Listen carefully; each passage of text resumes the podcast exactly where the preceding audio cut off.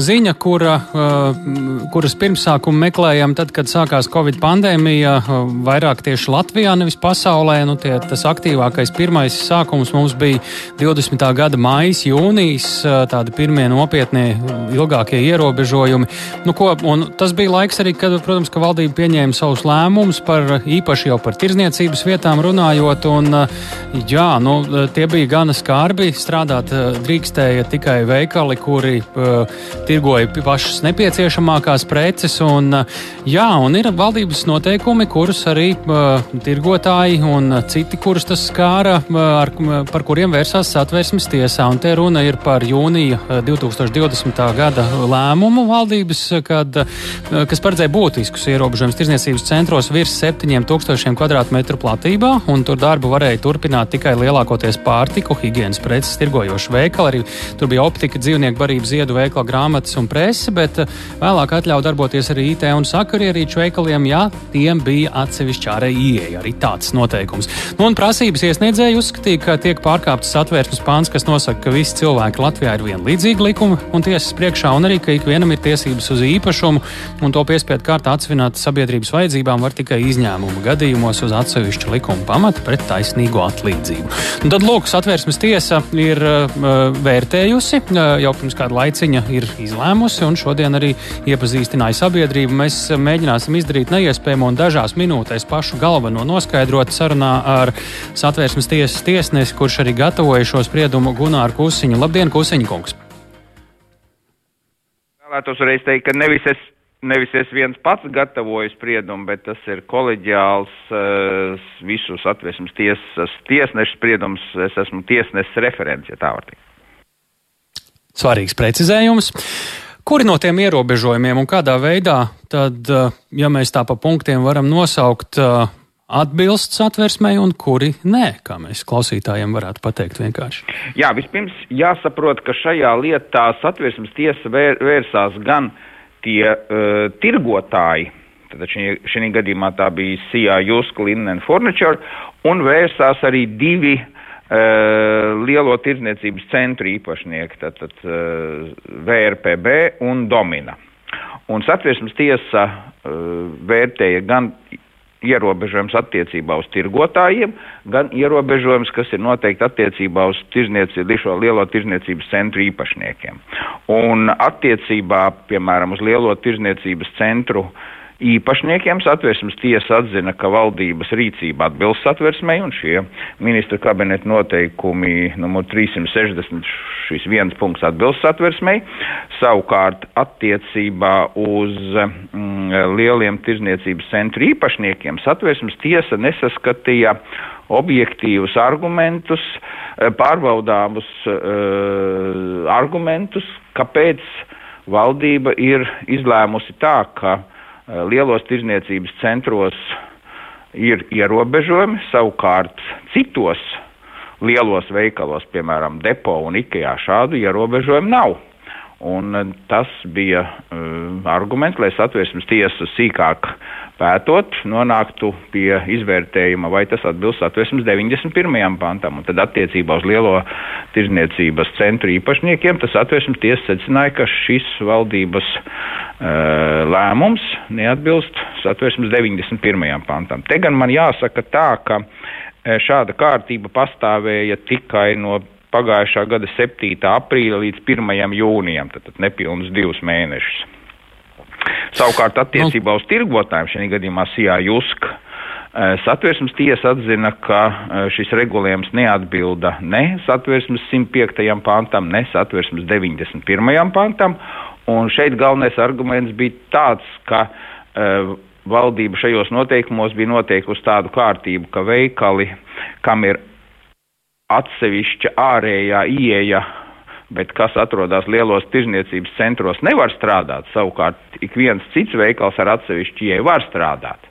Un, nu, tas bija tas arguments, lai pateiktu, ka uh, satversmei neatbilst uh, šāds regulējums. Šī gadījumā mēs konstatējam satversmes 105. un arī satversmes 91. panta uh, pārkāpumu. Savukārt attiecībā mm uz mhm. to Sijā Jusk šī situācija pastāvēja vēl īsāku laiku. Tātad no pagājušā gada 7. aprīļa līdz 19. maijam, tātad nedaudz ilgāk kā mēnesi. Pēc tam, protams, nu valdība arī grozīšos noteikumus un šī situācija atbild. Nu, mēs nevērtējam, bet grozīšos noteikumus. Vai šāda veida satvērsmes tiesas uh, uh, secinājumi uh, rada arī kaut kādas pienākumus kādam šobrīd, vai arī tiesības.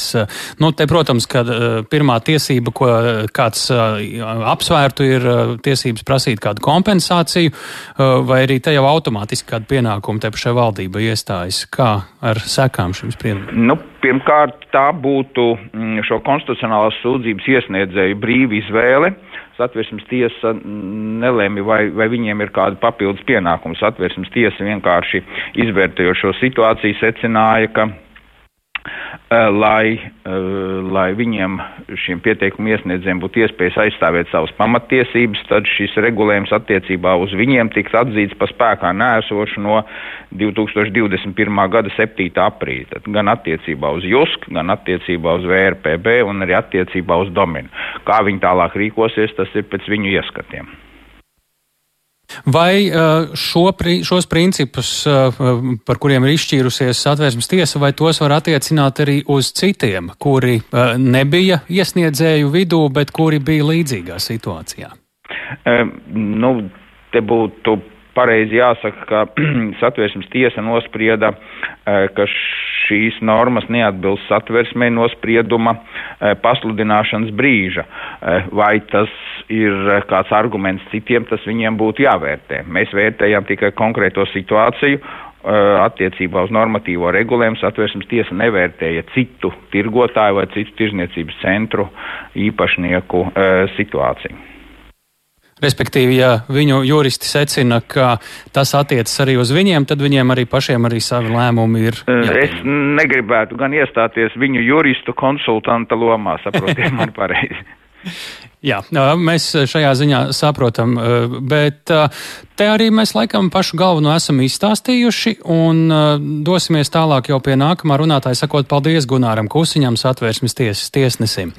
Un mūsu nākamais runātājs šobrīd mums izdevās arī sazināties ar Raivu Lēmani, nekustamā īpašuma attīstītāju alianses pārstāvošo juristu. Labdien! Labdien! Uh, kāda ir bijusi jūsu iesaiste uh, šajā uh, lietā? Jā, um, es, es gan precizēšu, ka uh, es neesmu gluži nekustamā īpašuma alianses pārstāvošais jurists, bet esmu advokāts, kas ir darbojies pie šīs lietas kā divu pieteicēju pārstāvis, tātad lielie tirzniecības centri, tirzniecības centra īpašnieki um, Valleta un Domina. Lūk, mhm. -huh. un nu, tā, tādējādi ir. ir Tad... tad jūs bijāt nevis to tirgotāju tieši, bet tirniecības centru pārstāvis vairāk, ja? Uh, jā, še, šajā lietā. Un tieši iesaistīts, tieši iesaistīts arī šajā lietā, jā. Kā jūs teiktu, ko satversmes tiesa pasaka, kā jūs rezumētu to, kas tur ir pateikts šajā spriedumā? Jā, nu, e, satversmes tiesa ir pateikusi, ka tas regulējums, kas bija spēkā e, noteikti laika periodu, ko viņa kungs jau tur detalizēti norādīja un izskaidroja, nav bijis um, tiesisks, nav bijis satversmei atbilstošs. Tā iemesla dēļ, ka tika pār, pārkāpts vienlīdzības princips, proti tika pieļauta atšķirīga attieksme pret personām, kas atrodas vienādos un salīdzināmos apstākļos. Konkrētajā gadījumā ja mēs salīdzinām lielos tirsniecības centrus ar citiem lieliem veikaliem, kas ir līdzīgi, līdzvērtīgi platības ziņā. Tad lielajos veikalos tirsniecība bija atļauts pilnībā, savukārt lielajos tirsniecības centros tikai noteikts ierobežots skaits veikalu. Jā, uh, un, un, un tas tiesas šā... atzinumā. Jā, lūdzu. Un, un tas tiesas atzinumā nav atbilstošs atversmei. Tā tad nav likumīgs. Mm -hmm. Jā, ko šodien uzzinātais no satvērsmes tiesas dod jūsu klientiem? Tas nozīmē kādas turpmākas darbības, kaut vai par kaut kādām kompensācijām, kāds mērķis ir sasniegts un kāda varētu būt tālākā rīcība? Tā mēs varētu jautāt. Jā, nu, mm, faktiski tāds pamatmērķis iesniedzot šos te pieteikumus bija cīnīties par savu tiesību aizsardzību uh, jo jau sākotnēji šis regulējums nelikās atbilstošs un taisnīgs, un, un tādējādi tā cerība bija arī tiesiskā ceļā nokonstatēt, Jo nu, tas fakts vien, ka mēs kaut ko uzskatām par nepareizu vai pretiesisku, tas, tas neko nedod, ir nepieciešams to arī konstatēt noteiktā procedūrā, noteiktā veidā. Un šajā gadījumā tas pirmais solis ir spērts, tiesa ir to arī pateikusi.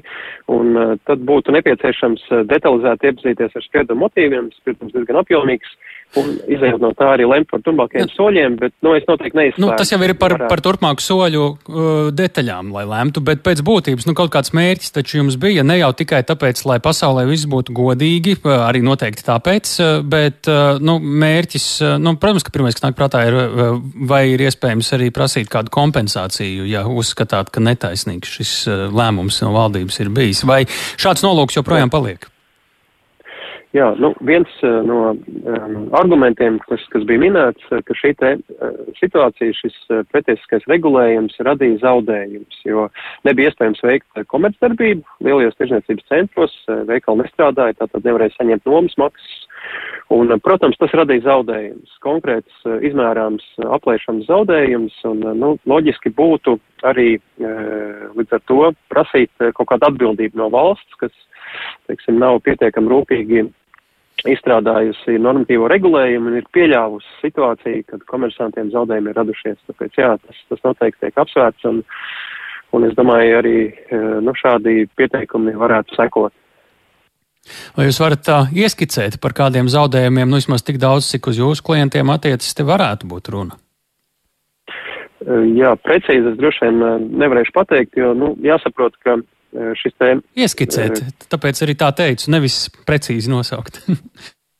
Jā, jā, jāsaprot, ka kopumā šie ierobežojumi ir pastāvējuši ilgāku laiku periodu, bet, ja mēs runājam tīri par likumu, par normatīvo aktu, tad tur ir tāds, varētu teikt, salīdzinoši neliels periods, nepilnu divu mēnešu garumā, Un ir bijuši arī valsts eh, kompensējošie pasākumi, bet tie bija veidoti tādējādi, ka tie attiecās uz iepriekšējo periodu, pirms šī ministra kabineta noteikuma spēkā stāšanās. Un tāpēc tur būtu jāskatās, nu, cik tad ir tā atšķirība, bet es tā aplēšu, ka tie noteikti ir, tās ir summas, kas ir mērām simtos tūkstoši, nu, varbūt pat, uh, varbūt pat to miljonam.